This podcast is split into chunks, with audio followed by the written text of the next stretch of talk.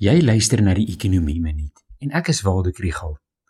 Gister is die Amerikaanse verbruikersprysinflasiekoers vir Augustus maand bekend gemaak en ekonome het hulle asems bietjie opgehou.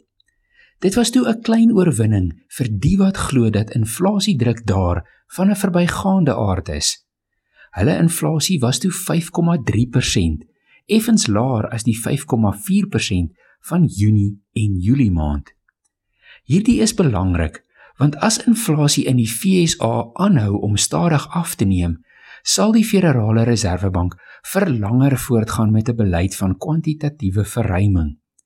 Dit hou rentekoerse op Amerikaanse skuldinstrumente laag en veroorsaak dat ontleikende markte soos Suid-Afrika se staatsskuld en aandelebeurse goeie opbrengs bied vir beleggers.